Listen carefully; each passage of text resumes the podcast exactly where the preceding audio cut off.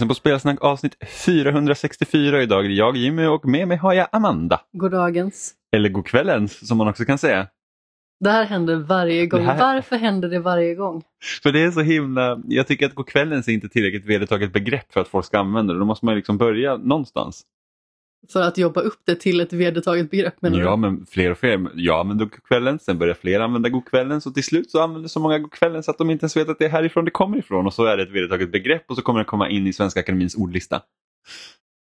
Måste det vara inne på innerlistan först? Inlistan, finns det en inlista? Innerlistan. Innerlista, vad är det för någonting? Men var inte det någon eh, form av kolumn i, jag kommer inte ihåg vilken tidning det var. Innerlistan och utelistan. För ord? Kanske med... inte nödvändigtvis ord, men allt möjligt. Jaha, jaha, typ en sån här, det här trendar just nu. Ja, jo, men precis. Jag har för mig dock att det gällde musik. Så att det har ingen relevans till Svenska Akademins ordlista överhuvudtaget.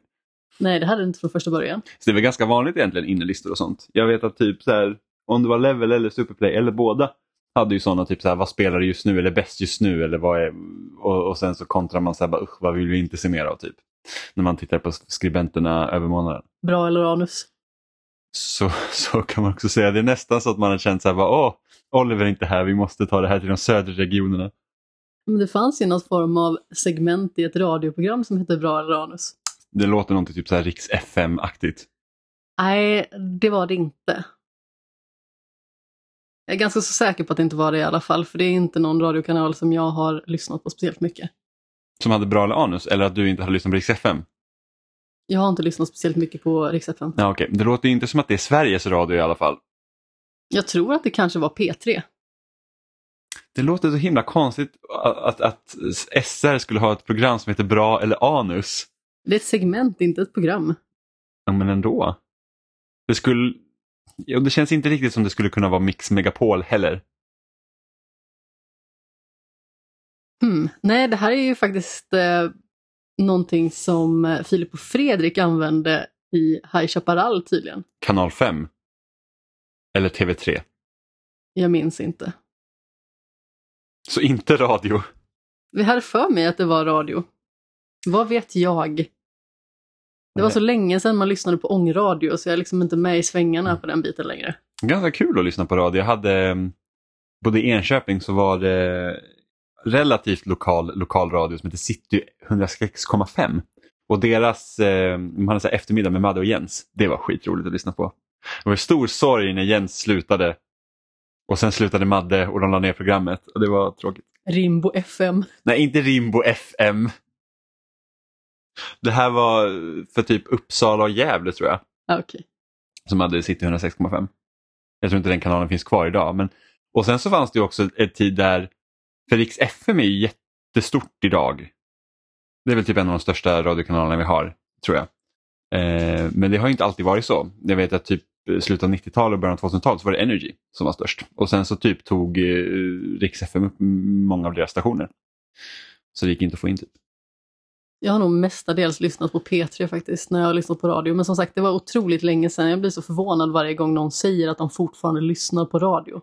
Det finns folk på jobbet som liksom har det på i bakgrunden och jag tycker att det ofta är många otroligt störande personligheter som sitter och babblar. Precis som vi.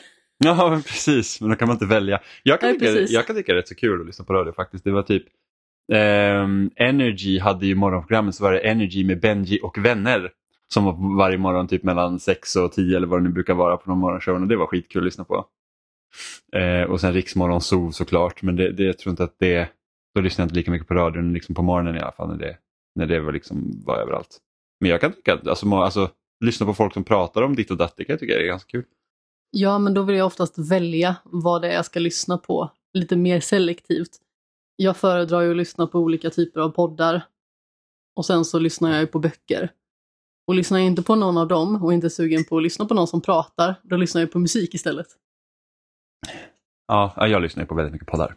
Det är i princip det uteslutande jag lyssnar på. Jag lyssnar nästan inte någonting på musik. Så det är liksom man ser, ju, mer, ju mindre fritid man har fått så ser man ju så här, varje år när man får så här Spotify Rap så är det bara mindre och mindre tid lyssnat på musik. Och då mestadels har det varit typ, jag hittar någon låt som jag lyssnar sönder eller så är det typ åh, nu ska vi göra vårt spelmusikavsnitt och det här soundtracket finns på Spotify. Men det finns ju en hel del bra spelmusik som förgyller ens listor där alltså. Ja, men alltså det finns jättemycket bra spelmusik på Spotify. Det, jag tycker det är kul att eh, det är allt vanligare och vanligare att eh, företagen lägger ut sina album på streamingtjänsten också. För att alltså backa tillbaks typ tio år sedan, då var det jättesvårt att hitta typ officiella releaser av stora spel. Eh, jag vet att Ubisoft alltid varit ganska bra typ med Assassin's Creed och sånt, att det har funnits och jag vet att Microsoft med Halo har också funnits ute men annars är det liksom, alltså jag är sett så himla många så skumma sidor för att få tag i soundtrack. Eh, men när det kommer till indiespel så är ju Bandcamp otroligt bra.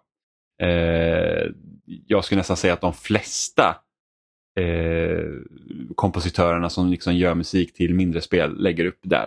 Och liksom för försäljning helt enkelt. Så att jag köper ju ofta album därifrån. Och du kan, du kan välja, det finns alltid så ett, ett minimipris du måste liksom eh, köpa för. Eller så kan du liksom bestämma själv hur mycket du vill ge. Så det är väldigt bra. Okej. Okay. Jag gör ju perioder lite grann, så att i vissa perioder så lyssnar jag nästan uteslutande på podcasts. Och ofta så är det för att jag kanske hittat någon ny podcast där jag liksom börjar om helt från början. För det är väldigt sällan jag liksom kommer in till en podd och lyssnar på senaste avsnittet och sen bara fortsätter följa. Utan jag vill gärna liksom se hur den här podden har växt fram och då börjar jag typ alltid från början. Och eh, sedan så kan det vara liksom vissa perioder när man hittar någon författare som man tycker om mycket. Och så fortsätter man lyssna på alla dennes böcker. Jag lyssnar ju på så mycket poddar så att jag kan ju liksom inte riktigt lyssna på någonting annat för att då hamnar jag så himla mycket efter. Eh, jag har säkert en, kan säkert ha en tio poddar jag följer i veckan. Eller något sånt. Eh, alla lägger inte upp eh, varje vecka. Men majoriteten gör ju det och vissa gör två gånger i veckan. Ditt podcastliv var så mycket lättare när du var singel. Ja, och inte jobbade. när man var, för att jag har egentligen ett jobb där jag faktiskt kan sitta och lyssna på podd samtidigt som jag jobbar. Men jag har märkt att jag har jättesvårt att koncentrera mig om jag lyssnar på podd samtidigt när jag jobbar. Det beror på helt vad jag ska göra. Generellt sett när jag lyssnar på podd, då är det ju sådana saker som är ganska monotona. Men ska jag liksom skriva ett brev till exempel, ett brev, nu låter det som att jag sitter där med min typ så här gåspenna. Men när jag ska skriva ett e-postmeddelande till exempel, då är jag helt oförmögen att lyssna på någonting utan då måste jag ju stänga av.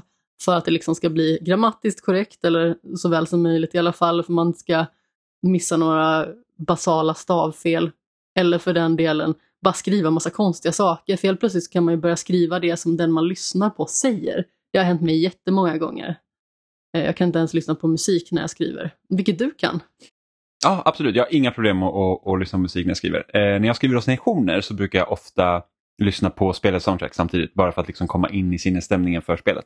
Antingen så lyssnar jag på ingenting, eller så har jag hörlurar i för att muffla ut ljudet som är runt omkring. Och det skulle inte jag heller kunna göra. Har jag tystnad och sen lurar i öronen så ska jag bara höra typ mitt, mitt lilla, lilla tinnitus jag har. Ja, nej jag har ju inget sånt. Det skulle driva mig till vansinne. Nej men det blir så typ när man har odiagnostiserad diabetes och går på konserter utan öronproppar, då är det inte lika lätt. Så jag har ett litet tjut eh, som jag mestadels inte hör. Men om jag skulle sätta i så att liksom, man sätter i typ öronproppar i öronen och har inget ljud, då är det, så här, då är det ett litet tjut. Okay. Eh, men, eh, men annars så, typ, alltså förut kunde jag för att när jag sitter i Photoshop och sånt och lyssnar på musik eller någonting, det hade inga problem. Men idag när jag gör det, liksom, när man känner sig att ah, men man ska skicka det här på marknadsföring eller någonting sånt, då är det så att nej, jag kan inte lyssna på någonting. Det är jättetråkigt. Vilka tre poddar prioriterar du liksom, när de kommer i flödet? Vilka är det så här, oh, det här måste jag lyssna på först? Ah, jag prioriterar alltid spelpoddarna för att det är eftersom de pratar nyheter och sånt under veckan. Eh, och Det är också majoriteten jag lyssnar på så det är ofta de som kommer först. Och sen så har jag typ jag har typ så här intervjupoddar och lite så här typ att ah, men det här är bra saker att veta, lite sånt. De, eh, de kan jag lyssna på när som så att de hamnar liksom längst ner i, i, eh, i listan. Så att om jag någon gång ligger efter när man liksom jag tror för typ ett och ett halvt, nej kanske för bara åtta månader sedan, då låg jag liksom typ tre månader efter på de poddarna. Och det är så här Stuff You Should Know och What the Fuck with Mark Maron som, som ofta hamnar, så då får man lyssna på dem i rad istället. Eh, men om det är någon så här podd jag så här lyssnar på direkt när jag, när jag ser att den kommer i flödet så är det Rebel FM. Okej. Okay. Jag lyssnar ju framförallt på dumma människor när det kommer upp i flödet. Det är ju en psykologipodd som är väldigt intressant. Sen så lyssnar jag på Det mörka psyket så fort den kommer också. Och det handlar ju mer om olika typer av beteenden som kan bli farliga eller situationer som kan bli farliga helt enkelt. Eh, mycket då psykologisnack naturligtvis och eh, oftast knutet till till exempel brottslighet och sådant, eller sånt som kan leda till det. Och eh, sen så tycker jag ju att podcasten Spår är fantastisk också. Och det är ju liksom journalistiskt grävande i tidigare fall egentligen, som kanske går att ifrågasätta oftast.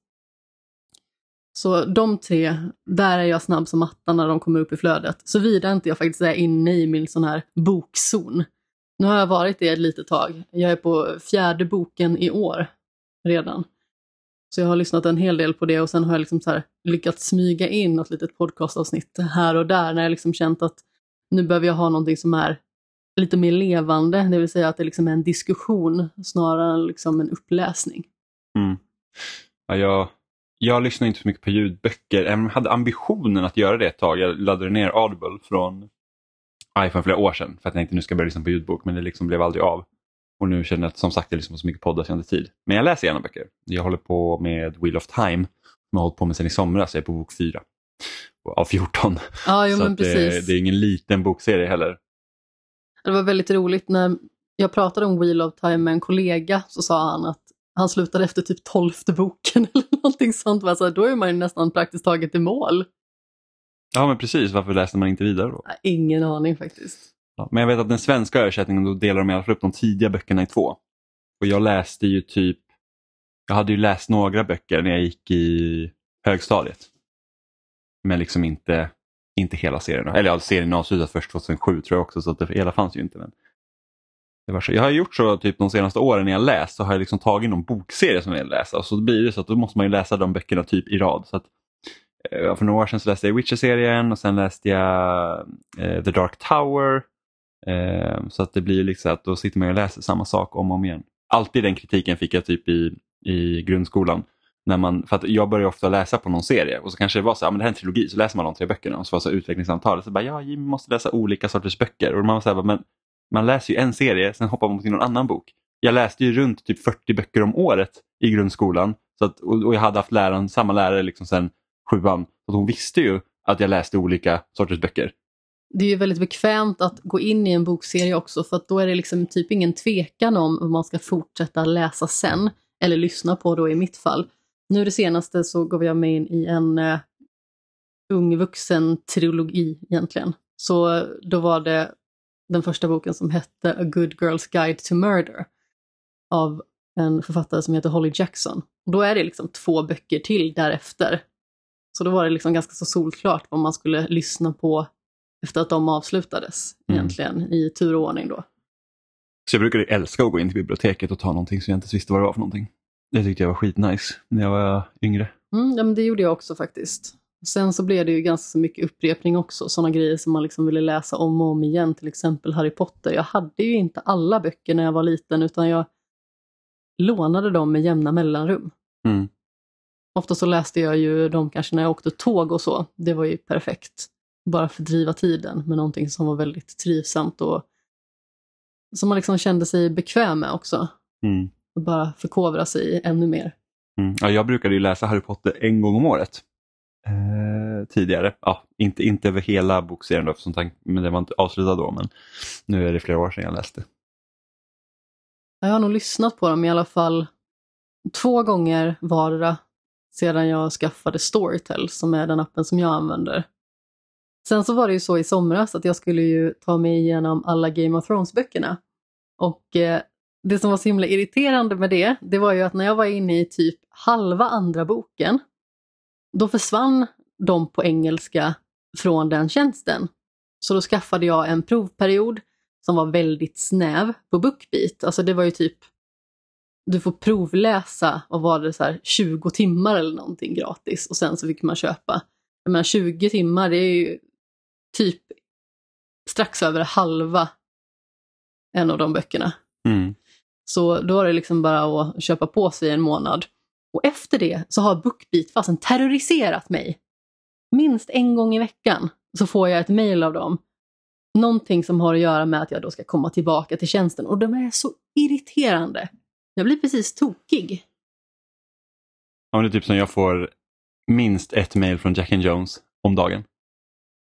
Ja, men det finns många sådana som man liksom har återkommande både när det gäller sms och när det gäller e-post. Men just den liksom biten att jag hade den här tjänsten en månad och nu är jag tydligen fast med deras jäkla skit för evigt. Ja, man, det, det finns säkert någonstans i mejlet där du kan eh, säga att du inte vill ha mer. Från Bookbeat. Ja, jag hoppas det. Jag lyssnade ju på, jag tror att det var kanske tre böckerna där. Och sen så visade det sig att böckerna kom tillbaka på Storytel. Förmodligen så var det ju jättemånga som hade klagat, det antar jag. Just på grund av att det var ju precis innan House of the Dragon skulle släppas. Så jag har en känsla av att många faktiskt läste de böckerna och även då Fire and Blood. Så gissningsvis så kom det ett och annat klagorop som gjorde då att eh, böckerna kom tillbaka och så fortsatte jag. Jag tror att det var kanske, hur många böcker är det? Fem? Ja. Jag tror att det var kanske i slutet av fjärde boken och sedan även den femte och Fire and Blood som jag lyssnade på Storytel. Då igen. Mm. Det kan också varit bara så att licensen har gått ut och att ett, någon har inte någon har glömt att förnyat den eller de har inte kommit överens om någonting eller liknande. Så det... Ja, jo men precis så kan det absolut vara. Men jag kan ju tänka mig att de har fått en del klag i alla fall. Ja, men eh, apropå fantasy så har vi faktiskt spelat ett mer eh, fantasyinriktat spel för att vi har ju en, alltså senaste veckan, eller senaste veckan, i fredags så släpptes ju ett spel som du har sett fram emot väldigt länge och det är ju, eller ja, så länge som vi har känt till att spelet faktiskt ska komma för det är ganska kort mellan utannonsering och släpp, men det är Fire Emblem Engage. Och du är ju det största Fire Emblem-fanet här. Ja, jag skulle nog säga att du är på någorlunda lika nivå. Ja, det vet jag inte. Du har spelat mer Fire Emblem-spel än vad jag har gjort. Har jag verkligen det? Du har spelat varenda spel på 3DS. Jag har spelat Awakening. Ja, fast du har ju spelat dem på GameCube och Wii. Jag spelar Radiant Dawn och Path of Radiance. Sen har jag spelat det första när det kom i någon form av eh, nyutgivning till Switch. För typ två år sedan tror jag att det var. Eh, och sen så naturligtvis har ju båda spelat Three Houses. Mm. Jag har spelat Path of Radiance, Radiant Dawn, Awakening, Three Houses och nu detta. Jag tror att det är sex spel i serien som jag har spelat. Mm. Det första spelade jag inte klart och det var svinsvårt verkligen. Hade de gjort liksom en remake av det så hade det förmodligen varit helt annorlunda men nu var det äckligt svårt. Men finns det inte ett remake, en remake av den på DS eller uh, Game Boy Advance kanske? Det är nog något av dem men det är någon som jag inte har liksom tagit mig an och försöker man införskaffa dem så är de snuskigt dyra verkligen. Så det är nästan inte ens värt det. Däremot så har jag ju höga förhoppningar om att de kommer liksom göra någon form av samlingsutgåva av eh, Radiant Dawn och Path of Radiance. Så det är liksom vad jag har stora förväntningar på i framtiden. Men jag är väldigt glad att det kommit ett nytt Fire Emblem och eh, ja, vad tycker vi om det då Jimmy? Kan inte du berätta vad det handlar om? Du som älskar berättelsen. Ja, faktiskt. Jag har egentligen inte en jättestor koll på vad det handlar om. För att jag tycker att berättelsen jag tycker att den är svår att liksom lite få grepp om och vad den egentligen handlar om. Men jag tror att det är någonting så att du... Tidigare har det varit ett jättestort krig eh, där du då som Divine Dragon har deltagit i. Eh, och sen liksom när det har varit klart så har du hamnat i någon form av sömn. Och nu, har det, nu är det tusen år senare och du har vaknat upp igen. Och ja, det, här, det är ett kungarike som liksom egentligen har hållit dig liksom i beskydd. Då, eller ja, inte för att du liksom har varit eh, som att det är någon som försöker komma och mörda dig, men liksom någon som vakar över dig för att se om du vaknar upp igen. Eh, och du vaknar upp och eh, kort därefter så börjar det komma typ sån här korrupta fiender eller sån monster egentligen och börjar attackera. Eh, och då är det då den här typ superskurken som de kallar The Fell Dragon då som har, typ har återuppstått för det var den man hade krig mot tidigare. Eh, och då blir det ditt jobb att ett, egentligen komma ihåg eh, alla dina liksom krafter sedan tidigare eh, stoppa The Fell Dragon och till sin hjälp har man ju de här Emblem Rings eh, som egentligen är det här stora spelets gimmick kan man säga. Eh, som hjälper dig i striderna och Emblem Rings det är alltså, de innehar typ essensen av tidigare spelskaraktärer. Så man liksom får eh, träffa typ Marth och Roy och Byleth från Three Houses och Lucina från Awakening så det är massa liksom Corin, Leif, Sigurd. Ja men precis, så det är massa karaktärer från eh, från tidigare Fire Emblem som är med och hjälper till liksom, i striderna som du kopplar ihop till din karaktär. Eh, så det är väl liksom den stora, ah, vad ska man säga, omfen i spelet när det kommer till striderna. Sen i liksom storyn är vad den är. I, jag hade ju hoppats på, för jag kommer ihåg att när, när Three Houses var nytt så var jag lite så här att jag gillar den sociala aspekten av det spelet men jag saknar det här med att man liksom är på en stor världskarta och det känns liksom att man, man är i fronten på krig och drar framåt. Medan i Three Houses så hade du det var hela tiden åt, liksom återgick till skolan. Eh, och nu har vi egentligen det här med att nu, nu, är det på en karta som du rör dig framåt på men den sociala aspekten är typ helt borta istället. Vilket jag kan tycka är lite tråkigt för att karaktärerna var något av Three Houses starkaste kort medan karaktärerna i Engage är något av det svagaste. Alltså jag kan inte komma på egentligen någon karaktär som jag bryr mig speciellt mycket om. Nej, alltså det är ju ett klurigt kort egentligen. Alltså precis när man har vaknat ur sin sån här tusen år långa slummer egentligen, då får man ju stifta bekantskap med någon form av kommandör som heter Vander. Och sedan så får man stifta bekantskap med ett tvillingpar som heter Clan och Fram. Eh, väldigt eh, ooriginellt. Och eh, de har ju liksom hållit koll på en så att ingenting hemskt har hänt och eh, liksom då försöker att hålla koll på när man faktiskt vaknar igen. Mm. Och, och var, eh, försöker var... liksom att, eh, vad ska man säga, eh, berätta vad det liksom är som har hänt eh, sedan man egentligen då somnade in sådär temporärt. Ja, men det lustigaste är också att de har inte varit i någon form av krig innan du vaknar. För att liksom de här, det är inte som att monster har kommit dit och sen typ, ja men tänk typ Zelda liksom när, när Link då hittar sin Triforce of Courage varje gång så att det är liksom så att shit's going down. Nu behöver vi liksom hjälten då som ska hjälpa oss. Här är det verkligen så att du vaknar och ingenting har hänt än. Så de är typ så här, åh kul att du har vaknat. Eh, nu kommer bra grejer att hända liksom för att du är med. Och då är så, här, bara, och så händer bara dåliga ja, grejer. Men, och också så här, typ, men vad är det vad är det för bra saker som ska hända? Liksom? Så de har liksom skapat en hel mytologi kring det här The Divine Dragon. Då. Eh, som sagt. Och sen så när man väl har vaknat det är då först skit händer. Så det är inte som att eh, liksom, länderna redan är i krig med varandra. Ja men precis. Men exakt som i jättemånga andra sådana här liksom, japanska rollspel så är det otroligt mycket fantastiknonsens. Och naturligtvis så har huvudkaraktären minnesförlust. Det är också en väldigt originell faktor i det hela. Och då blir det ju liksom att man ska försöka att eh, komma ihåg, eh, i alla fall i synnerhet en speciell karaktär som har betytt mycket för en förr. Och eh, naturligtvis så händer ju grejer så att eh, det sätter rejäla käppar i hjulet utan att säga allt för mycket. Men bortsett från liksom hela berättelsen och att karaktärerna är ganska så pajiga.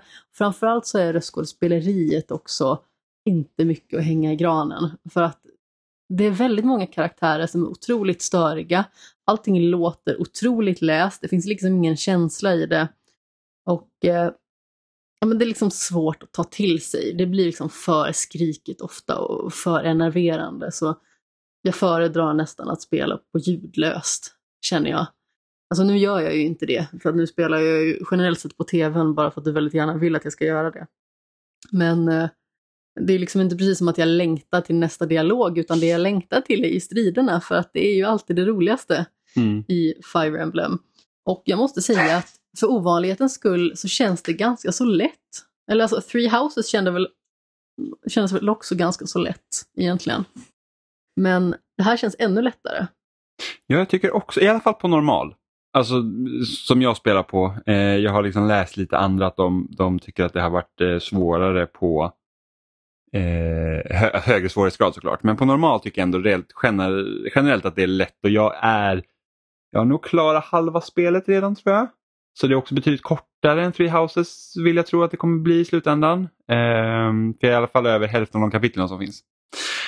Och det är just det att det, jag kör ju också på Classic så att är det någon som blir dödad i strid så liksom då, är, då är den eh, karaktären död. Så att det är liksom inte som att den är bara ute ur matchen och sen kommer den tillbaka nästa gång utan då, då är den helt borta. Så det gör ju också att, och jag vill inte att någon ska dö så jag börjar ju om eh, ifall att eh, någon skulle stupa då.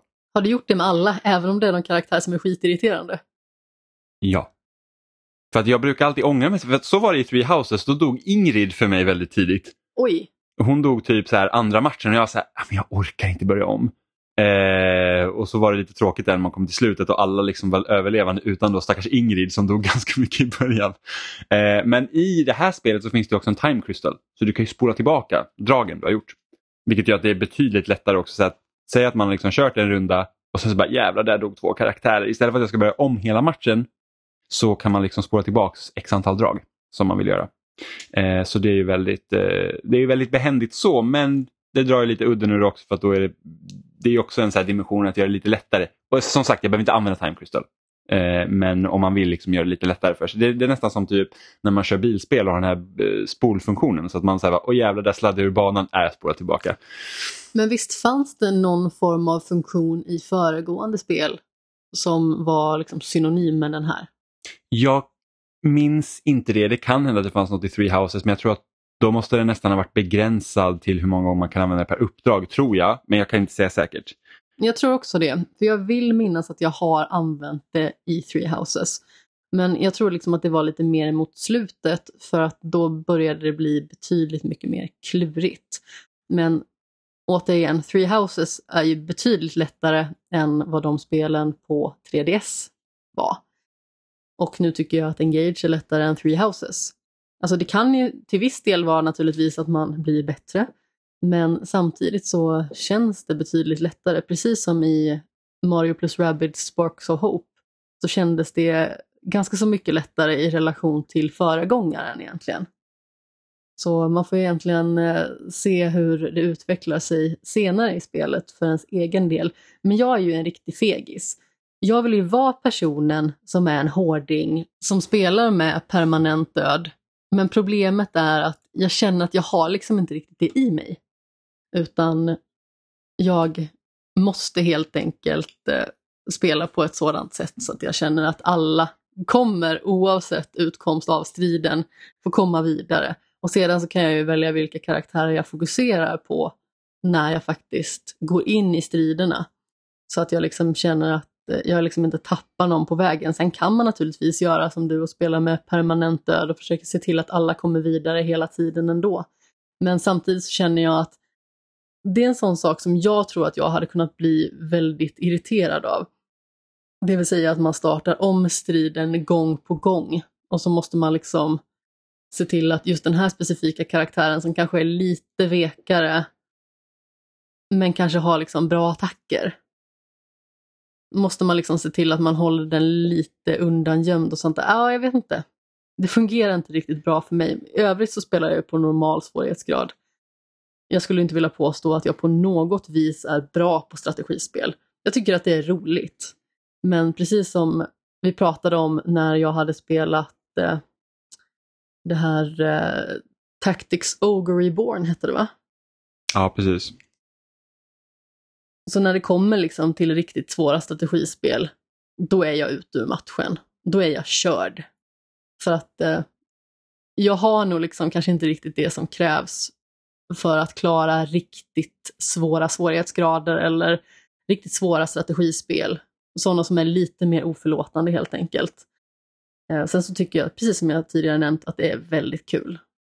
Just för att jag gillar formatet väldigt mycket. Och förra året så blev det ju egentligen att jag personligen spelade ganska så mycket olika typer av strategispel oavsett om det var liksom simulatorer eller om det var liksom eh, indie-ihopknåpade strategispel med väldigt unika element eller om det liksom var sådana här typiska taktiska rollspel. Mm. Ja, eh, och det är ju tur att det egentligen är kul fortfarande att spela. Eh, jag tror att en grej som de har lagt till i det här spelet igen, eller som var liksom avsaknad i Three Houses om jag minns rätt, det var ju det att Fire Emblem har alltid haft det liksom eh, sten, sax, påse. Liksom att du svärd mot yxa, yxa mot spjut, spjut mot svärd. Och jag tror att Three Houses var det borta. Eh, att man har liksom gjort om det systemet och det tror jag att gjorde att en grej att jag kände att det spelet var mycket lättare. Här är i alla fall det tillbaka. Så att igen är det liksom det här att ja, men möter de med yxa så är det svärd du ska använda och, och, och möter de med spjut så är det yxa och, och sådär. Möter någon med sten, då är det påse. Ja men precis och sen så har du också att magiattacker fungerar mot eh, lite större fiender och sen har du pilbåge mot flygande fiender och sånt. Så det, det är ju också, också kvar.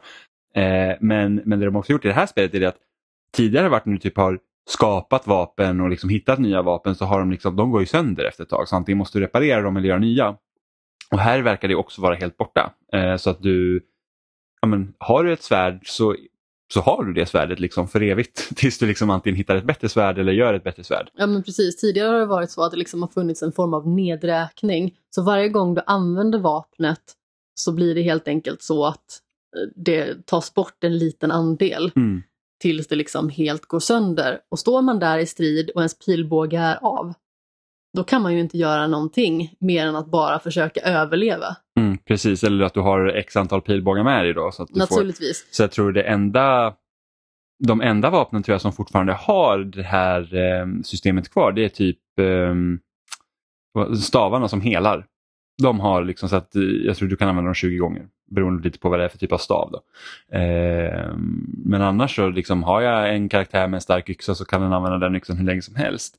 Eh, och, och i, i det här spelet också det är, det är väldigt många system som jag inte riktigt har kommit in i än för du har ju du har ju fortfarande en, ett samlingsområde egentligen som du kan återgå till mellan striderna eh, som är typ som en, jag vet inte, en, ja, ett, ett läger egentligen eh, för dina karaktärer där du liksom kan laga mat för att ge olika buffs, du kan köpa nya vapen, du kan stärka vapen som du redan har, eh, prata med dina karaktärer, bonda lite med dem och sådär. Så, att- så, att- där man liksom försökt gå inkorporera lite den här sociala aspekten också. Kolla till dina adopterade djur. Ja precis, man kan också adoptera djur exakt eh, för att, och, och ha dem ute i en hage och då släpper de av sig olika föremål och så kan man använda dem till olika saker. Men det har inte jag riktigt kommit in i helt och hållet. För det är så här, det är inte riktigt på samma sätt att göra egna vapen som det var tidigare heller. Visst, du använder fortfarande material liksom, som olika stål och sten och vad man nu behöver. Eh, men det är liksom så att om man kan stärka de man redan har men det är liksom, jag vet inte riktigt hur det funkar när man ska göra nya och lite så. så att det, det är liksom, jag känner att på vissa aspekt är det här spelet onödigt komplicerat. Visst är det ändå härligt när ett mufflon får skiter ut någonting som kan stärka en svärd. Ja, ja men precis. Det är typ så här, ja, här är lite nötter som min typ fågel hade samlat eller något sånt. Så att då, då får man liksom gå upp och, och, och liksom samla det. Och sen så en annan grej också det är att de har mm, efter varje strid då får du gå runt på banan som du precis har slagits på och prata med dina karaktärer som stannar kvar där eller då adoptera djur som till synes finns där eller plocka upp eh, föremål som landar på banan. Det är liksom också så här, typ ett Ah, vi kan ju inte bara ha ett strategispel där man liksom väljer menyer och går från karta till karta utan det måste vara någonting emellan. Och jag känner bara att lite av de här grejerna är lite så här onödiga. Ja, det känns väldigt menlöst i ärlighetens namn för när man ska gå runt och prata med karaktärerna då är det liksom inte det att man får en stor bakgrundshistoria eller liksom en lång konversation som är djuplodad på något vis utan det är typ en mening som säger väldigt lite och som är ganska så oinspirerad och sen så går man vidare till nästa karaktär och klickar igenom den. Och Det är lite som när vi spelade Pokémon Legends uh, Arceus förra året. När man liksom också så här, typ så här, satt, ah, men nu ska karaktärerna äta middag tillsammans. Och man så här, oh, ni bara babblar om massa nonsens. Det är liksom ja, så här, man satt bara och panikpressade Försökte klicka A. förbi. Ja, precis. Så att, lite så känner jag här och det är lite tråkigt för att även om Fire Emblem-spelen tidigare inte har varit liksom så här mästerverk i, i liksom historieberättande så är det ju ändå så här att det har varit spännande att följa. Speciellt om man tänker sig GameCube och, eh, och Wii-spelet. Då, då tyckte jag det var jättespännande. Liksom så här, politiska intriger och hur, liksom, hur står det still i landet. Men här tycker jag, just för att du är då den här The Divine Dragon så du tillhör ju inte riktigt något land och du liksom, det är inte som att man har Alltså det är lite svårt att veta också vad som står på spel om jag tänker att så här, världens undergång säkert liksom hägrar. Men det är ändå så här att vad är det, vad är det liksom som, alltså jag känner mig inte investerad. Om man jämför till exempel med Three Houses där det var så här, det hade de här tre olika liksom eh, elevhemmen egentligen. Och som egentligen alla kände liksom varandra och var kompisar och sen så helt plötsligt så högg den ena den andra i ryggen och så blev det så här att okej men nu blir det helt plötsligt riktigt krig här. Då hade man, en, man kunde liksom se, ja men vart kommer de ifrån, vad är min egen position beroende på vilket hus jag har valt. Så att det liksom blev väldigt, där blev det väldigt personligt å andra sidan, liksom att du, du liksom gick och slogs mot eh, människor som du egentligen hade haft som studenter. Ja, ja men exakt. Och jag ska nog erkänna att tidigare har jag kanske inte direkt spelat Fire Emblem-spelen för berättelsen om man så säger. Men det har ju funnits aspekter som har varit intressanta i flera av spelen. Men just Three Houses var ju någonting som jag blev betydligt mer investerad i när det gällde den biten, liksom att skapa relationer. Att se liksom till att alla elever i det hus som jag liksom har koll på, att de dels mår bra, att de utvecklas och att de faktiskt har bra relation till varandra. Det är ju liksom sånt som också reflekterades på stridsfältet. Men just här så känns det liksom inte som att karaktärerna är speciellt knutna till varandra på ett intressant sätt. Och sen huvudkaraktären som ser ut som att han är doppad i en Colgate-tub eh, är väl helt okej okay egentligen, men jag tror att jag föredrar den manliga versionen över den kvinnliga. Som naturligtvis är översexualiserad som vanligt. Det är typ många kvinnliga karaktärer dessutom översexualiserade. Det är typ någon av de så här onda sidan när hon springer runt i någonting som är typ Alltså det är något trådar läder liksom på henne. Ja, jo men exakt. Men återigen, Fire Emblem är väl inte jättekänt för att eh, ta avstamp i något annat än den typen av karaktärer. I och för sig, det har funnits ganska så brett karaktärsbibliotek, alltså jag, jag absolut, kan... men det har ofta varit väldigt mycket tuttlisor. Fast så jag kan, kan, säga. Jag kan säga så här att det har nog blivit mer och mer så ju mer liksom, serien har kunnat liksom, likna mer anime. Alltså om man tänker liksom, den grafiska stilen, för jag, jag tänker liksom tillbaka typ på ja, men GameCube och Wii-spelet så har, har inget minne av att det skulle liksom vara sådant. På 3DS var det definitivt det och det var någonting jag reagerade på också när jag spelade de spelen första gången. Det första spelet jag bekantade mig med liksom och spelade hela vägen igenom det var ju Fates Conquest. Mm. Ja, och, ja, så det, det, tycker jag också är väldigt märkligt. För man, samma sätt man ser de här andra emblems liksom, som, som man kan hjälpa till. Man ser liksom de äldre karaktärerna, alltså de som redan är alltså kanske från eh, tidigt 90-tal. Det är liksom så att ja, men en kvinnlig sådan karaktär, hon har ju liksom en tur, alltså hon skulle kunna se ut som sin manliga motsvarighet. De har liksom samma typ av rustning. Medan här så är det liksom väldigt så här, typ att alla manliga karaktärer de, de är liksom fullt påklädda, det är stora armor och sen kommer liksom Tutt-Lisa med liksom så här att här är min typ baddräkt som mm, är väldigt precis. vågad.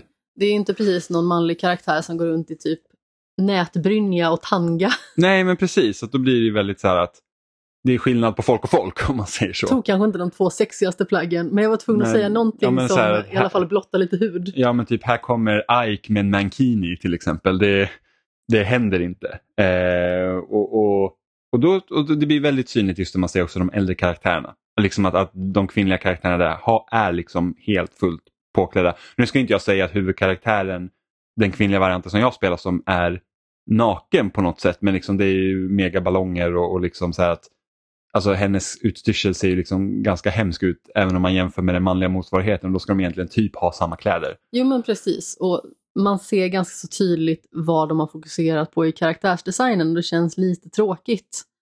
Eh, och det känns lite utnött och som någonting som man kanske behöver ta sig lite grann ifrån nu. Som sagt, med tanke på att på 90-talet till exempel så var ju de tekniska möjligheterna mycket mer begränsade. Så då kanske man inte skapade karaktärer som hade så här en liten pixeltutte. Nej, nej, men även om man tittar typ på alltså, artwork från spelet så ser man ju liksom att det är ju inte Alltså det ser mer som, och jag, jag, kan inte säga att jag har koll på exakt varenda karaktär från de tidigare Fire Emblem-spelen, det kanske fanns där också, men liksom just det vad man kan liksom se i det här spelet. Så, alltså även ta huvudkaraktären för Radiant Dawn som även är med här som en emblem till exempel, så ser man att hon är ändå fullt påklädd. Um... Ja, men exakt. Men, eh, ja, men som sagt, striderna är fortfarande jätteroliga. Alltså, spelsystemet för Fire Emblem är liksom roligt. Eh, men jag vet inte riktigt. Jag känner mig kanske inte riktigt att det här Emblem-systemet kommer riktigt till sin rätt än. Eh, för att man kan liksom para ihop vilken karaktär egentligen som helst med en emblem så att man får liksom, eh, som ska stärka deras förmågor. Så jag hade typ en som, min healer fick en, ett emblem som var också bra på healing så jag kunde hela vem som helst på hela kartan om jag så ville. Eller typ så här, jag offrar allt mitt eget liv förutom en HP så att alla helas upp. Liksom, vilket kan ha varit väldigt användbart när man liksom, liksom reagerar lite illa till då och behöver liksom få upp liv på alla. Eh, så, att, så att det är väldigt kul att se beroende på hur man parar ihop de här och vilka förmågor de får och hur det kan hjälpa liksom en i strid. Eh, så det, det, det, det tycker jag är en rolig idé. Ja, Eh, men verkligen. Och det känns ju väldigt mycket på det sättet som ett kärleksbrev till de gamla spelen där man liksom tar in de här andra karaktärerna som man liksom inte riktigt är helt säker på hur de är sammanlänkade liksom i den här världen och hur världen faktiskt ser ut på det stora hela. Men man blir ju lite pirrig i kroppen när man liksom får sitt första emblem som är en väldigt välkänd karaktär som man tycker om. Och det som är liksom tråkigt då, det är ju att det tyngs ner lite av karaktärsdesignen. Det vill säga att karaktärerna de ser ofta ganska så muppiga ut. Och sen så har vi ju dessutom berättelsen som den lämnar en del att önska. Men den stora behållningen det är ju helt enkelt det här stridssystemet för att det är så oförnekligt roligt att spela. Jag älskar att spela det. Jag skulle kunna spela det hela dagen, dagen imorgon i sträck om jag fick. Om jag hade sluppit gå till jobbet. Mm.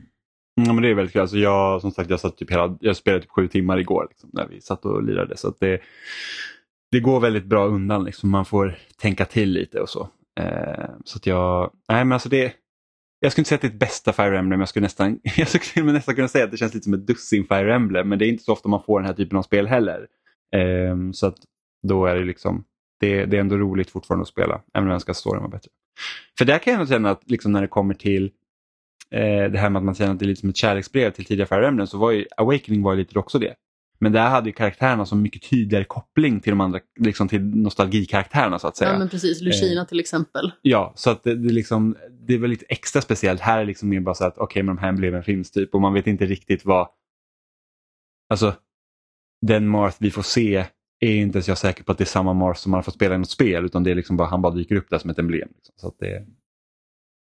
Jo, men precis. Men det finns ändå väldigt mycket att uppskatta i spelet och det känns ju som att jag känner någon automatisk värme till spelet på grund av att det tillhör liksom en spelserie som jag åtminstone de senaste, vad kan det vara, sju åren ungefär har eh, brytt mig mycket om och liksom försökt att ta mig an så mycket som jag har kunnat lägga vantarna på. Men eh, det är inget perfekt spel på något sätt. Men Sabla var roligt det att spela alltså. Mm. Ja men, jo, men det, där, det är faktiskt väldigt roligt att spela. Man får tänka lite med geniknölen. Nu väntar jag bara på att de ska släppa Advance Wars då, så då är cirkeln sluten så jag kan få mitt andra strategispel från Nintendo som jag väntar på hur länge som helst. Ja, jag väntar ju snarare på den här eh, ej existerande möjligtvis eh, duo-utgåvan av eh, Fire Emblem-spelen från GameCube och Wii. Men jag hoppas ju att den blir verklighet. Det hoppas jag också. Alltså, Radiant Dawn har några av de mest liksom, svåraste och liksom, stressade striderna jag någonsin har spelat i Fire Emblem. Alltså, det är liksom, för att ofta känns det ju inte som att när man spelar Fire Emblem, det känns inte som att man är med i något storskaligt krig som varje karaktär är ju liksom en, en karaktär då så att säga. Det är inte som att man liksom eh, skapar arméer och sen pushar fram liksom som i andra strategispel som har krigsföring i sig. Eh, Medan i Radiant Dawn, och det är samma upplägg precis som att man har liksom karaktärer, men där kommer jag ihåg att det kändes verkligen som att nu, nu liksom står vi på Alltså, Ruinens brant. Ja men verkligen. Det var liksom, och sen så hade de också att europeiska normal var japanska hard. Och det hade inte jag någon aning om så jag körde ju på normal. Skitsvårt men då, då, då fick man verkligen tänka till. Eh, och då fastnade jag på ett ställe där det är, man spelar Ike och man möter, jag tror det är The Black Knight. Eh, och det är enbart de två på banan och min Ike är inte tillräckligt stark. Och jag kommer liksom inte, jag kan liksom, det finns ingen spaning tidigare utan jag är fast liksom i den stilen så att jag kunde aldrig klara ut det. Så det var lite synd. Ja, det är hårt alltså när Ja. sånt händer. Ja, och sånt brukar ju ofta inte hända nu för tiden för att det finns ofta vägar runt det. Antingen att man kan börja om uppdraget eller backa tillbaka bandet. Men då hade jag liksom bara en sparfil så det var ju lite surt. Så att det blev aldrig något. Det var 40 timmar som bara försvann i Radiant Dawn. Eh, Men, ja, men jag hoppas ju också att en sån komboutgåva skulle komma för att det, de två spelen också är jätte, jättebra verkligen. Ja, men det finns ju naturligtvis en tjusning med att ta fram de gamla konsolerna och spela på dem. Men samtidigt så tillgängligheten skapar så himla mycket möjligheter. Ja men verkligen och då är det liksom så här att då går man inte själv också tillbaka till spelen utan det är liksom flera andra som också går tillbaka till spelen och upptäcker dem igen och sådär. Så att det, det, det, det är faktiskt väldigt speciellt när, man, när det liksom kommer en ny utgåva av spel. Massikos har sina fördelar. Exakt! Eh, så är det faktiskt. Så jag väntar fortfarande här GameCube Mini om Nintendo någon gång ska släppa det så kan jag spela alla GameCube-spel igen. Jag har ju min Steam Deck och jag, är liksom, jag har ju den proppad med GameCube-spel verkligen. Så att någon gång ska jag spela Paper Mario och lite sånt. Men det, jag började faktiskt på Beautiful Joe i somras och märkte att det spelet var inte riktigt för mig. Jag kände att det här jag tycker jag inte är riktigt sådär kanon som jag hade hoppats på. Eh, även om stilen är amazing.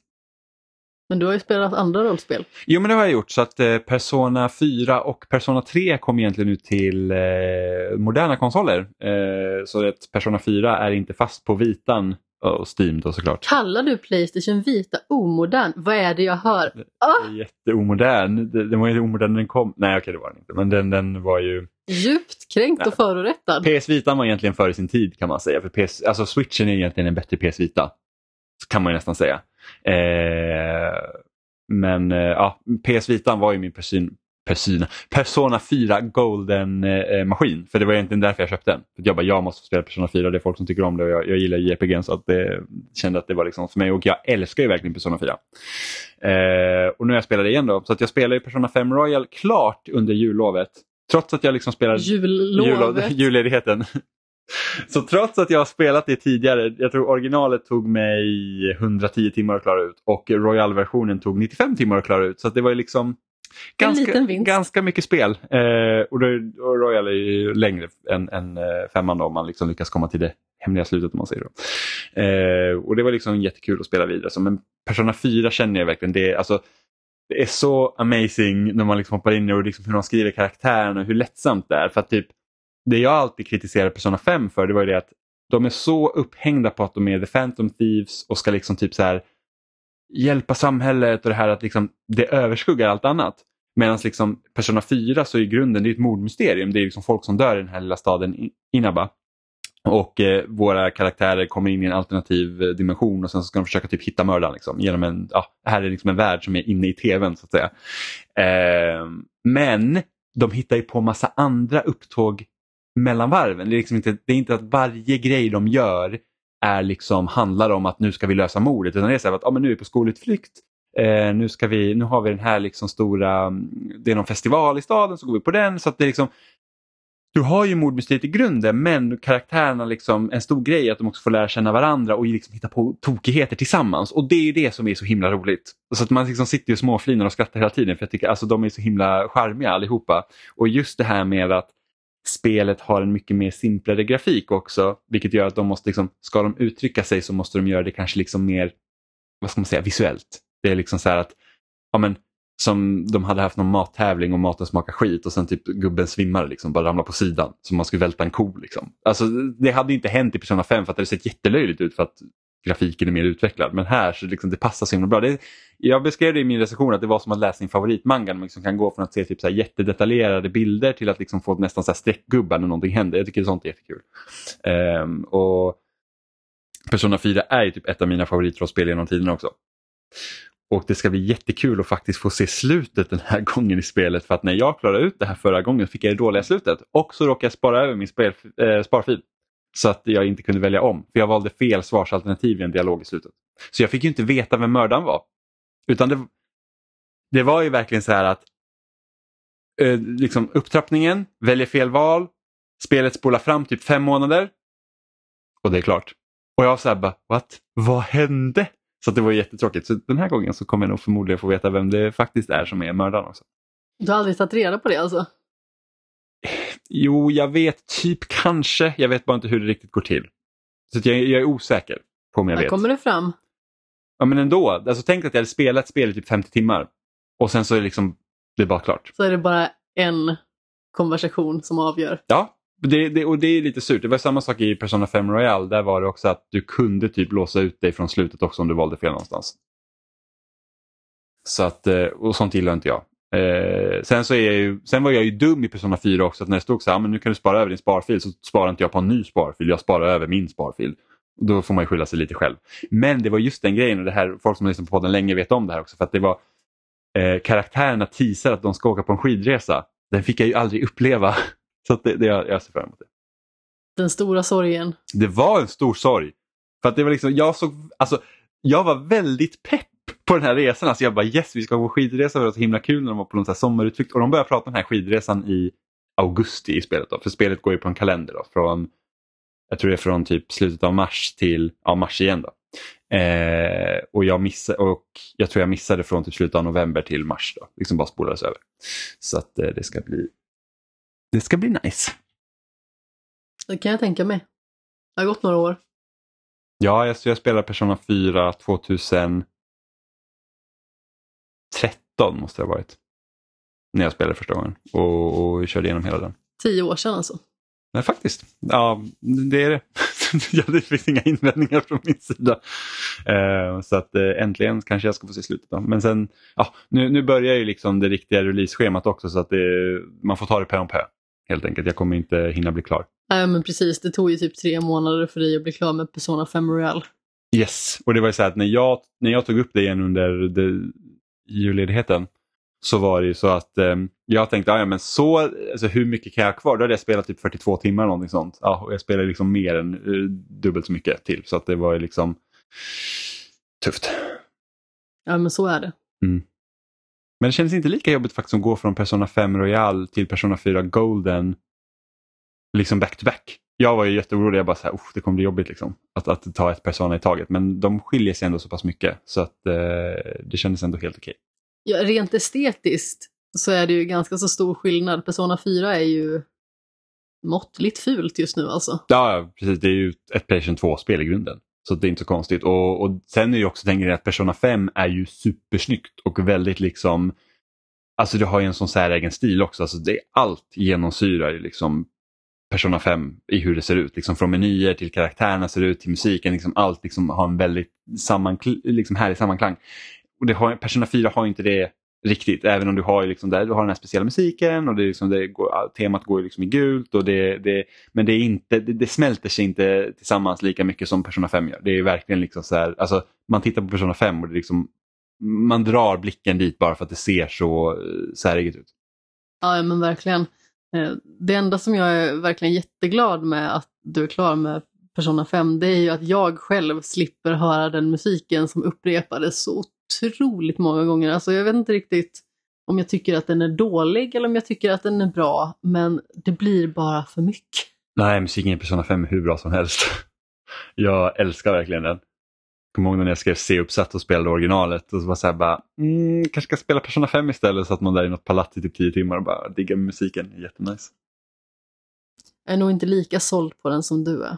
Ja, jag älskar den. Jag kommer ihåg att nu ska vi se, det blir spelmusikavsnittet för 2017 så var det jag och Robin som pratade och då var det liksom så här, Breath of the Wild, Persona 5, det var liksom ah, bra musik all year round. Horizon Zero Dawn. Mm. Har jättebra musik. Ja, men inte lika bra som varken Zelda eller Persona 5. Definitivt. Definitivt inte är det rätta svaret här. Vi går vidare. Kan ha eh, hon sitta och köra sin musik där. Ja, det är bra försvar Jimmy. Ja, jag tycker det. Och så här huvudtemat i tio olika spår. Men eh, som, som sista grej innan vi avslutar egentligen så att eh, och det här teasade vi lite förra veckan. Det var ju det att vi har ju sett första avsnittet av The Last of Us tv-serien helt enkelt. Eh, som då var ja, avsnitt två är ute nu när ni hör det här men vi har bara sett första avsnittet än så länge. Eh, och vi vill bara liksom uppmärksamma att vi, ja, vi kommer liksom inte skyla oss för att eh, använda spoilers för eh, avsnittet eller spelet för den delen eh, i den här diskussionen. Så att om ni vill om ni inte vill höra det så kan ni bara hoppa till slutet eller så, och så hörs vi nästa vecka. Hej då! Liksom, men eh, vi tänker bara liksom nämna egentligen vad, vad, tycker vi om första avsnittet, vad tror vi det liksom bär hän och lite så. Ja, men precis. Det blir väl någon form av första intryck här egentligen och sen så lär vi väl återkomma till det här ämnet när hela serien faktiskt är klar. Det är väl tio avsnitt som är planerat? Nio. Nio? Mm. Ja, det var väldigt så om åtta veckor så hörs vi igen! Ja, jo men exakt. Nej men vad ska man börja för någonstans? Den är ju otroligt lik originalet och på många sätt ändå inte. Och Det som jag tycker ändå är väldigt bra det är att de, det känns som att de har kapat bort sådana grejer som känns lite onödiga för en tv-serie och sedan så har de liksom inkorporerat lite annat som faktiskt funkar att liksom ta till sig när man bara kollar på det. Som, eh, nu hoppar jag ganska långt fram i tiden egentligen, men när man är i karantänzonen i Boston och ska ta sig ur den egentligen.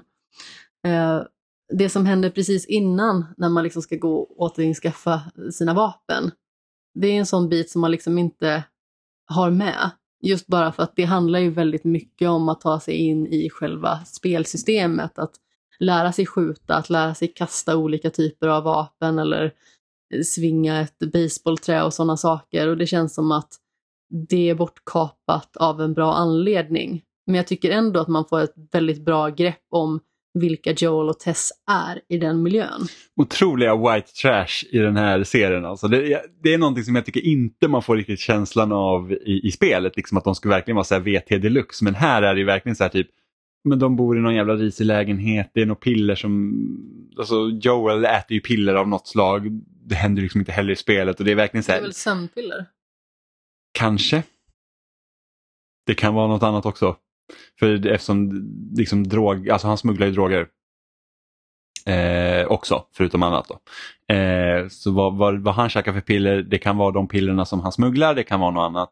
Eh, och det är liksom de känns lite skitigare här än vad de gjorde i spelet. Jag undrar om inte det också beror på att för att i spelet så ska du faktiskt spela som den här personen liksom i x antal timmar så att du får liksom inte känna någon större liksom avsmak för honom. Eh, eller riskera att känna avsmak för honom på det sättet förrän liksom i då slutet.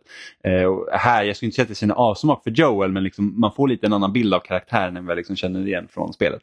Det är ganska så hög risighetsnivå på de båda egentligen. Verkligen. Eller de flesta man faktiskt stöter på egentligen. Jo men så är det ju. Eh, och en sak som när du liksom säger att visst de har ju kapat bort vissa grejer när det kommer till våldet eftersom första timmen i spelet så skjuter du x antal personer men här är det ju också som att de skjuter inte en enda person genom hela avsnittet. Liksom, och jag tror att det är ganska jag tror att det är en tydlig markering där att de inte har dragit vapen än och skjutit någon. Ja, men exakt. Med tanke på hur många man egentligen skjuter. Och jag förstår att det går inte i en tv-serie, ska man inte, liksom, det ska inte vara liksom det ska inte vara så en hög kill count på huvudkaraktären eftersom liksom mycket av våldet kommer ju säkert få en poäng senare. Liksom, som att i det här avsnittet så Joel han ställer sig över någon och liksom bankar typ skiten ur en kille liksom, till exempel. Eh, men fortfarande ingen har skjutit ett enda skott även om det funnits liksom, möjlighet att göra det. Det känns som att de knyter samman karaktärerna lite bättre också i tv-serien. Eller bättre och bättre vet jag inte riktigt om jag ska säga men den här karaktären som Joel bankar skiten ur, det är ju en vakt som han faktiskt har, har gjort affärer med mm. tidigare. Så att man liksom pusslar samman dem på ett helt annat sätt. Det är liksom inte bara en helt anonym vakt som man råkar stöta på när man försöker fly med Ellie. Mm. Och det är faktiskt en grej som jag tycker de har gjort bra i, i det här första avsnittet. Det är liksom man får mm, liksom man ser kopplingarna i världen liksom lite tydligare också. För att vi vet ju att Joel är en smugglare i, eh, i spelet men liksom hur ser det ut med vakterna? Hur ser det liksom, vad är hans roll liksom i det här lilla samhället de bor i? Så det har inte alls varit lika tydligt. Och smugglare av vad? Ja men precis, så, så att det, det, är liksom så att det hänger ihop mycket bättre. Jag tycker att den här, så som de har gjort det för tv tycker jag funkar väldigt bra. Också att vi fick, det tog väldigt lång tid innan vi faktiskt kom in i liksom, vad ska man säga, apokalypsen. Um, för att alltså, introt är ju väldigt långt här. Så att liksom, majoriteten av avsnittet så är man ju faktiskt i 2003 då, när eh, katastrofen faktiskt först hände och så får man se mycket mer av Joel och Sarah tillsammans. Jag undrar varför de valde just att hoppa tillbaka ett decennium i tiden. Jag har faktiskt ingen aning. Eh, undrar om det. För att, för att visst är det så i spelet också att det är 20 år senare från 2013 och framåt, eller hur? Ja, och då kanske tanken är att det ska vara nu. Ja, det är det jag tror också. Så, så här skulle 2023 ha sett ut om det här hände 2003. Så jag kan tänka mig att det är någon sån grej bara. Det är inte helt omöjligt. Egentligen spelar inte det en jättestor roll. Det var bara någonting jag reagerade på. Mm. Just bara för att när spelet släpptes, då är tanken också liksom att den första sekvensen ska utspelas. Mm. Och här får man ju faktiskt en mycket längre tillbakablick, dessutom till 60-talet vill jag minnas att det var. Ja, precis. Det, då man liksom diskuterar så här, att vad, vad, är det, vad är det för katastrof som kan vänta liksom människor i framtiden? Och då är det en, en forskare som pratar liksom att ja, men det är svampar vi ska akta oss för, för att de liksom har förmågan att kunna liksom ta över, alltså tränga sig in i en, en, en värld och sen ta över liksom den sinnen, vilket som händer då i, i The Last of Us. Men i spelen får man liksom inte riktigt den alltså vi har ju hört det typ i intervjuer, men i spelet får du liksom egentligen aldrig någon riktig introduktion till vad det är faktiskt som har hänt på det sättet. Det finns väl lite så här tidningsurklipp och sånt man kan läsa i, men det är liksom ingen som förklarar det. Och det här känns som att det dras mycket mer om en till sådana här eh, om typ som 28 dagar senare eller typ Dawn of the Dead, lite så här, hur, hur förklarar man det här? Liksom, man får se liksom, tanken bakom katastrofen redan innan och väldigt så här, liksom, att man börjar med det, det tyckte jag också var ganska spännande. Ja, men precis. Jag blev väldigt förvånad när man startade liksom vid den tidpunkten och då är det ju liksom någon form av professor vill jag minnas som liksom sitter där med väldigt dystopiska tankar och eh, framför liksom det som han ser som det största hotet liksom mot mänskligheten självt liksom i det avseendet. Mm. Och liksom så här att då är så här, alla är införstådda i vad som har skett sen när man liksom börjar få se eh, klickers och monster och allting sånt. Ja, och här har de ju ett eh, lite annorlunda tillvägagångssätt eller vad man ska säga. Och de har lite annorlunda utformning också. Om inte jag såg fel så är det liksom den här typen av fungus eller vad man ska säga som liksom sticker ur munnen. Mm. Ja, men lite så här, jag, jag, Det liksom börjar växa ur en inifrån på något ja, sätt. jag tänker typ så här Blade 2 när de hade så här, vampyren öppnade så här, huvudet bara delas typ i tre. Eh, man Jag tänker lite på typ när man var barn och folk sa till en att man inte skulle stoppa upp en ärta i näsan för att det skulle börja växa ut en skälk. Ja, men lite så. Eh, vi vet ju faktiskt inte helt och hållet hur den här eh, hur det här sprids mellan eh, personer. Vi vet ju att bett såklart, för att det är ju liksom en stor grej med Ellie till exempel. Men eh, i spelen så är det liksom sporer som gör liksom att du andas in det helt enkelt eh, från eh, ja, men växtligheten som har liksom den här eh, svampen helt Ja, enkelt. men precis, det har ju liksom ihop med själva att bli biten-grejen en eh, ganska så eh, direkt koppling. Men här så är det framförallt att bli biten, vad man vet, som skickade vidare. Men i övrigt så känns det som att det borde finnas någonting mer då. Jag läste en jätteintressant post om det faktiskt, att det sprids via mjöl. Eh, för att något som händer i första avsnittet är det att, liksom att ehm, eh, de ska göra pannkakor, mjölet är slut. Man undrar varför inte, El- eller varför inte, varför inte Joel och, eh, och eh, Sarah har blivit sjuka till exempel. Mjölet var slut i pannkakorna. Eh, de blir erbjudna kakor av den här grannfamiljen, vilket de inte äter. Eh, och eh, vad vi vet så är det hon, eh, mormon i familjen, i, i grannhuset som bor bredvid då, som blir sjuk först. För att eh, Sarah är ju där inne i huset och man får se att hon beter sig väldigt lustigt i bakgrunden, vilket var en väldigt så här, effektfull scen istället för att köra massa jump scares och så, så får man liksom bara se, typ som Hereditary. Det var en grej jag älskade i Hereditary, det var det att ofta såg man saker i bakgrunden.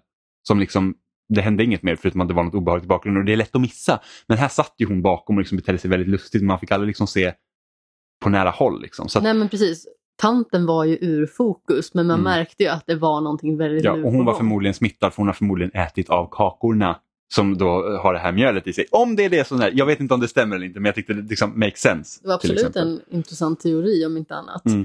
Men det är ju typ tanten som är det första man får se också. Det är ju ändå en av de mest läskiga grejer när Sarah liksom går till grannhuset. För här är det ju inte att de blir attackerade i sitt eget hem.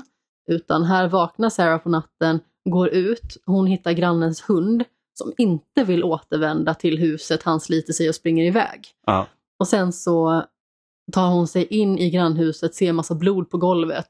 Och där sitter tanten som egentligen sitter i rullstol och eh, sörplar liksom järnsubstans då ur eh, en av eh, de i det äldre paret. Mm.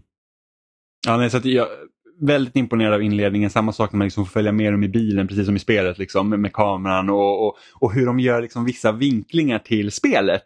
Som typ att i spelet när bilen välter så är det ju liksom en, en, någon som kör in i sidan på en. Och här går det ju till exakt likadant förutom att de krockar inte. Det är ingen som kör in i sidan på dem men bilen kommer ändå men de missar. Och sen är det ett plan som kraschar där en bit från planet gör så att bilen pu- puttas runt. Ja, det var liksom. ju förbannat snyggt faktiskt. För att man sitter ju och väntar på att den här bilkraschen ska komma och sitter och liksom nästan håller sig i armstödet.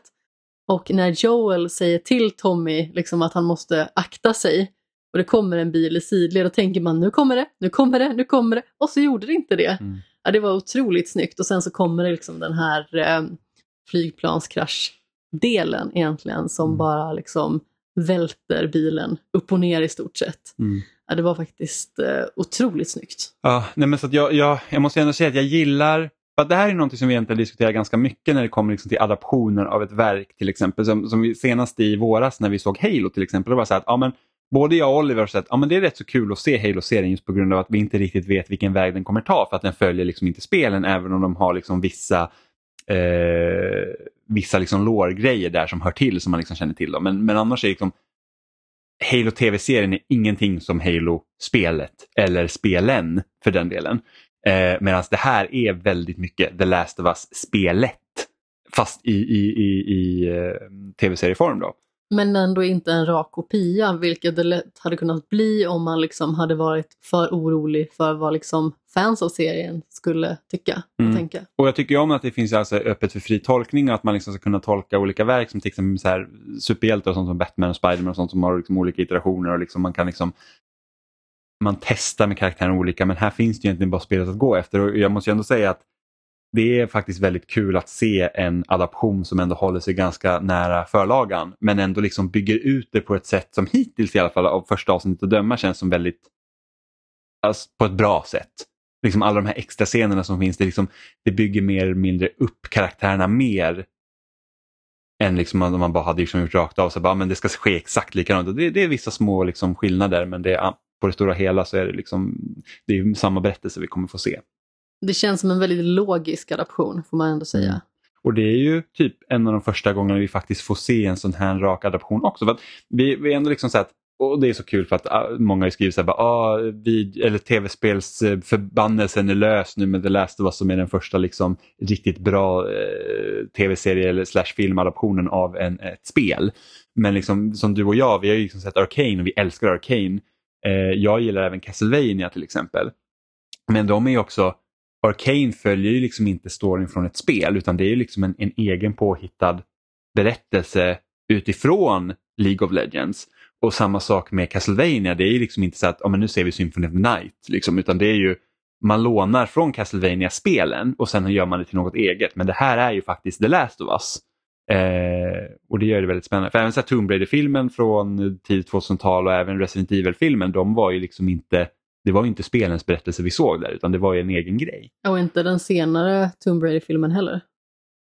Nej, precis. Eller för den delen Resident Evil Netflix-serien som kom i höstas eller i somras eller när det var. Um, så jag är faktiskt väldigt spänd på att se vidare den här serien även om vi vet vad som ska hända. Men jag, jag tycker bara det är kul att få se de här olika skillnaderna som de har gjort. Uh, och sen skådespeleriet är ju verkligen jättebra hittills. Alltså det, Eh, Pedro Pascal som eh, Joel tycker jag fungerar super, super bra och, och något som jag känner liksom mest är det är liksom Bella Ramsey som Ellie. För det var ju det jag var mest så att jag, hade, så här, jag har lite svårt att se henne som Ellie och, och, jag har inte tillräckligt mycket koll på Bella Ramsey för att veta liksom hur det ska gå. Men jag måste säga att alltså, initialt innan vi liksom får lära känna Ellie mer, hon har varit med ganska lite egentligen, men det är det här att alltså, det känns verkligen som spot on över den karaktären vi har lärt känna via spelen. Jag tycker att det känns som ett bra första intryck om inte annat. Det jag kan tycka är att man har fått se henne lite för lite för att liksom kunna bilda sig ett, liksom, vad ska man säga? Det är svårt att bilda sig en större åsikt om det hela, men det man har sett hittills ser bra ut.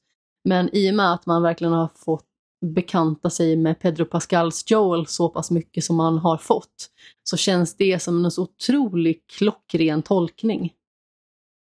Han är mm. verkligen fantastisk. Och jag tycker Anna Torv som Tess också är suverän verkligen. Hon eh, funkar verkligen i den skitigheten och eh, liksom den här tuffingrollen som man ändå ser Tess i, även liksom i spelen. Men verkligen, alltså det, jätte, jättebra verkligen. Eh, och det ska ju bli superkul att se sen när Pedro Pascal och Bella Ramsey får mer att göra med varandra. Ja men exakt, Eftersom när de får lite mer tid själva. Är, ja, det är liksom så att man, jag tänker liksom så här typ, ja men när de har kommit till Tommys och sen liksom han vill lämna henne där och hon känner bara att alla lämnar henne hela tiden. Liksom den scenen kommer bli liksom jättespännande och se hur den kommer utspela sig. För att Tommys roll i den här serien är också lite annorlunda. För att Joel Joel och Tommy verkar inte liksom ha någon relation precis som i spelet men han verkar ändå vilja leta efter Tommy. Jag förstår liksom inte riktigt den kopplingen för att i, i spelen så är Tommy liksom det är liksom long gone. De har inte haft kontakt på flera år verkar det som. Här känns det ändå som att det finns en osämja fast det har liksom inte gått lika lång tid egentligen sedan de såg varandra.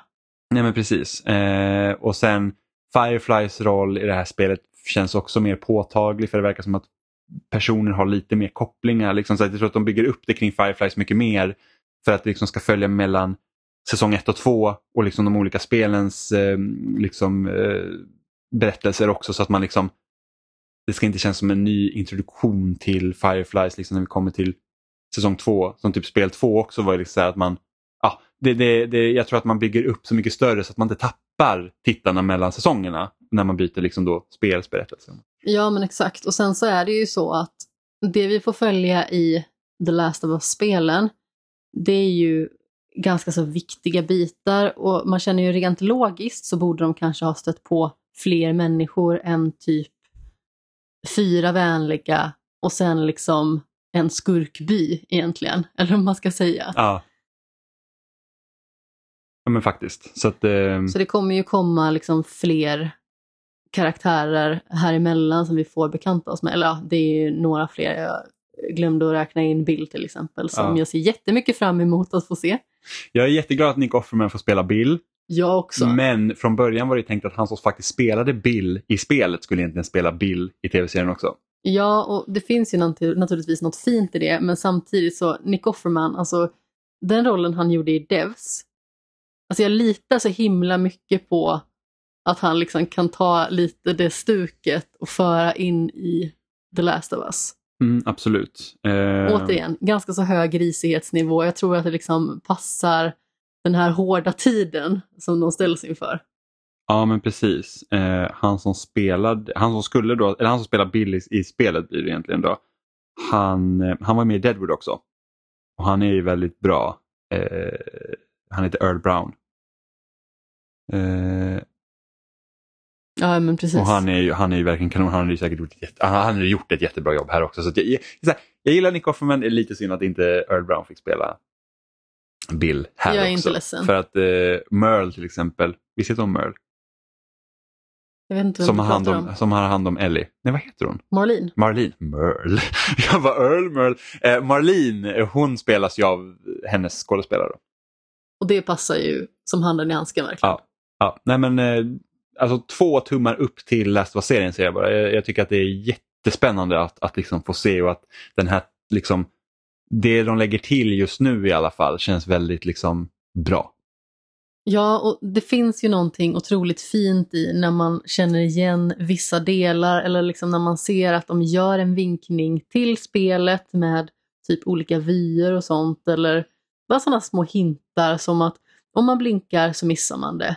Mm. Har man inte spelat spelet så vet man inte riktigt vad det rör sig om förrän man ser om tv-serien en gång till. Men jag uppskattar verkligen liksom de här små grejerna så otroligt mycket för det känns som att de har dels tänkt på helhetsbilden. Hur presenterar vi den här serien för helt nya tittare? Eh, personer som liksom aldrig har kommit i kontakt med spelen överhuvudtaget. Och hur gör vi ändå de som har spelat spelen glada på något sätt? Så att de liksom känner att de får lite mer värde på grund av att det här är en berättelse som de redan har tagit del av och som de egentligen inte hade behövt ta del av igen, men vill göra på grund av hur mycket de uppskattade spelen. Mm. Verkligen. En sak jag tycker är lite synd att de inte gjorde, för att när de hoppar fram 20 år så står det så här 20 år senare. Men de körde inte så här title card där det står sommar. Som det är i spelen, du vet. Man byter årstider så kommer det så här summer. Ja, det är lite synd. För att det är så här att Visst, det är enkelt att säga att nu har det gått 20 år senare så man liksom är med på det. Men jag vet inte, jag tycker det är så effektfullt i Last of sett när man verkligen säger att ja, men Sarah dör och sen så bara sommar och sen så ser man Joel, man ser ju tydligt att det har liksom gått flera år liksom framåt och sådär. Eh, men just också det att när man väl kommer till tidpunkten när, när de har varit på universitetet och Joel, liksom, man, Joel är så pass skadad att man liksom misstänker att han kan dö och sen så blir det svart och så kommer det vara vinter och sen är man Ellie och man var så bara, vad hände? Ja, ja men exakt. Ja, det är så. också väldigt starkt faktiskt. Eh, men jag vet inte riktigt hur man skulle liksom få in det i tv-serien på ett snyggt sätt. Och framförallt hur går man då vidare med det i en andra säsong? Ska man då liksom fortsätta med typ Seattle ja. dag ett? Ja, ja, ja och jag tror, att, jag tror att det är lite det också. Så här, det är så här, okay, men för jag kan ju tänka mig att när Joel väl skadar sig och svimmar att det är en cliffhanger till nästa avsnitt. Och sen ska du börja då med vinter, liksom, visst det kan man göra men då, ja, så förmodligen är det någon som, men det, jag tycker det är bara ett snyggt stilgrepp. Liksom. Ja, definitivt. Jag håller med. Mm. Det är väldigt effektfullt i spelen om inte Ja, annat. det. Och jag måste bara säga att Sarahs död även i liksom, tv-serieformat var ju liksom, jag tyckte nästan att det var nästan ännu mer knäckande än, än det var liksom i, i spelet bara för att alltså, det var så otroligt välspelat och de drog ut på det lite också, liksom, man verkligen fick se liksom hur Pedro Pascals version av Joe liksom verkligen bara brister. Ja, ja men absolut. Eh, jag tycker egentligen att eh, det träffar lika starkt varje gång man upplever det. Jag har ju liksom spelat det här spelet hur många gånger som helst känns som. Inte lika många gånger som Oliver förmodligen, men jag har ju spelat det på Ja, Playstation Oliver har 3, säkert hunnit spela det två gånger till nu sen, sen, i, sen i måndags. Så. Playstation 4 och sen Playstation 5 och sen har jag ju spelat det flera gånger på de två liksom tidigare plattformarna. Så det känns ju liksom som att man kan det här utan och innan men ändå så blir man så himla hårt drabbad av den scenen. Och en, en till sak som också var så bra, de använde faktiskt ledmotivet i, eh, i eh, introt. Ja, wow. För det var ju någonting som, som både jag och Oliver var superbesvikna på i Halo. Det var ju det att det var ju typ ingen Halo-musik. Nej, det lät som stockmusik mer. Ja men man var så här, men vad, alltså Halo har ett fantastiskt soundtrack. Alltså en grej som folk alltid säger med Halo det är liksom att musiken i Halo är liksom skitbra och så kommer man till tv-serien och det är typ så här körslingan någonstans någon gång och man säger bara, vad hände här? Medan här så är det ju faktiskt Last of Us-musiken. Och det är ju samma kompositör också, det är Gus- Gustavo Santaolalla som har gjort eh, musiken även till serien. Så att det är ju liksom, är det är hittills väldigt bra, väldigt lovande. Så det ska bli kul att se vidare. Men med det sagt så är vi klara för idag, skulle jag tro. Jag tror det. Nästa vecka lär vi ha spelat eh, lite Dead Space och lite annat som vi har för oss. Ja, med vi betyder det alltså du. Ja, Jag har spelat Dead Space förmodligen för att eh, det släpps ju på tisdag, tror jag. Det andra viet kommer spela saker som gör mig glad istället. Det andra vid. Vad ska du spela då? Jag kommer nog fortsätta att spela Engage. Ja, okej. Sen får vi se naturligtvis när jag blir klar med det. Och om jag har blivit klar med det till nästa vecka. Mm. Ja, det, som sagt, det känns inte som att det kommer vara så långt som Three Houses. Three Houses var ju verkligen jättelångt. Ehm, och som sagt, jag är redan över hälften, tror jag. Och jag har spelat runt 10 timmar. Sen så kan det ju vara att de eh, sista kapitlen också är betydligt längre. Och det svårare. brukar ju vara så. Precis, men jag kan nog tänka att jag kan nog vara klar på en 20-25 timmar kanske. Hur många timmar har du spelat nu? 10. Ja, och jag har spelat typ sju. Mm. För att jag eh, hade lite avbrott igår. Dels för min eftermiddagslur och dels för att jag skulle, enligt klassiker från egen sida, så fick jag en sån här bra idé att jag skulle börja fippla om i hyllorna för att eh, sätta saker liksom på plats och göra rum för eh, nya grejer och sånt som eh, vi båda har införskaffat. Jag fick ju, jag har ju väntat jättelänge, alltså ända sedan jag spelade Astrobot Res- Rescue Mission så har jag väntat på att det ska komma en Astrobot-figur. Jag tror det var i somras förra året så, så, så kunde man boka en Nendoroid av en Astrobot från Japan. Och jag var så här direkt, bara boka en, jag bara jag måste ha en liten Astrobot. Så den kom! Så nu har vi en Astrobot i hyllan. Det har vi. Så att eh, väldigt nöjd, den är väldigt söt. Ja, och sen så har vi ju ganska så många fina vinylskivor också. Där omslagen är väldigt stilistiska. Så de vill jag ju försöka få fram lite mer. Alltså vi har ju haft ett Returnal-omslag som har stått i skuggan av Marcus Phoenix i några månader. Vilket har varit väldigt sorgligt. Jag har liksom glömt av vilken vinyl det är som står där nere. Men det omslaget är ju verkligen magnifikt. Mm. Och mackan gömmer man inte så att det, det är klart. Får man flytta om. jag tänker bara på så du får inte stoppa köttbullar i näsan Marcus när jag tänker på Marcus Phoenix. Ja, det är en referens som flög mig rakt över huvudet. Har du aldrig hört Du får inte stoppa köttbullar i näsan Marcus? Nej, Det är en barnlåt. Ja, den, den, den måste jag visa på dig för den är, den, den är inte vacker alltså men den finns. ja, jag tror att den finns. Ja. Och ni andra som inte har hört den tidigare, kan ju, jag det finns säkert på Spotify. Annars Youtube så det är bara att söka på Du får inte stoppa köttbullar i näsan Marcus. Eh, men med det sagt så eh, är vi klara för idag helt enkelt och ni hittar oss som vanligt på spelsnack.com och där finns också alla länkar till ställen ni finns och ni kan följa oss på Facebook, Twitter och Instagram. Eh, vi finns ju såklart i din favoritpodcast-app och skulle vi inte finnas det så kan du mejla till oss på kontaktetspelsnack.com och säga till vilken som, som vi saknas på så fixar vi det. Eh, Ni ni kan ju också mejla in oss till oss eh, och, skriva frågor eller vad vi ska prata om eller vad som helst. Ska de mejla in oss till oss? Ja, precis. Ni kan skicka en bild på hur ni tror att jag och Amanda Skanna ser ut. oss till datorn ja, och sen skicka och sen in skickar ni in en bild till oss. Eh, Men så, som ni vill, har åsikter, synpunkter eller vill att vi ska diskutera någon fråga, helt enkelt. Vi fick en kommentar på eh, Twitter i veckan om att uh, årets spelavsnitt var uppskattat för att vi kör ju de här intervjuerna uh, med eh, gästerna under året som de får prata om vilket spel de tycker är bäst om. Så att det, det är ett format vi har kört på nu i snart tio års tid så att uh, det finns fler samtal att höra om om man är nyfiken. Det är roligt framförallt för att då får man med väldigt många olika röster utan att man behöver ha tio personer som sitter och pratar i ett och samma avsnitt och försöka koordinera det.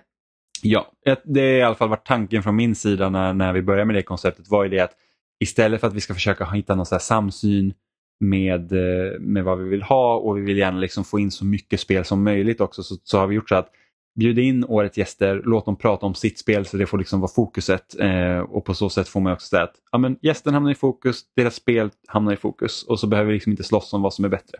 Och om man vill höra hur det lät när jag fortfarande var gäst så kan man lyssna på årets bästa spel från 2017 och 2018. Det kan man göra. Jag har aldrig varit gäst så att, eh, jag, jag har hållit i lådan helt enkelt. och intervjuat. I år hade jag ingen intervju, det är väldigt ovanligt. Något år hade jag alla intervjuer så det, det är lite upp och ner. Eh, men eh, tack för att ni har lyssnat även denna vecka och vi hörs igen nästa onsdag. Så säger vi hej då! Puss i ljumsken.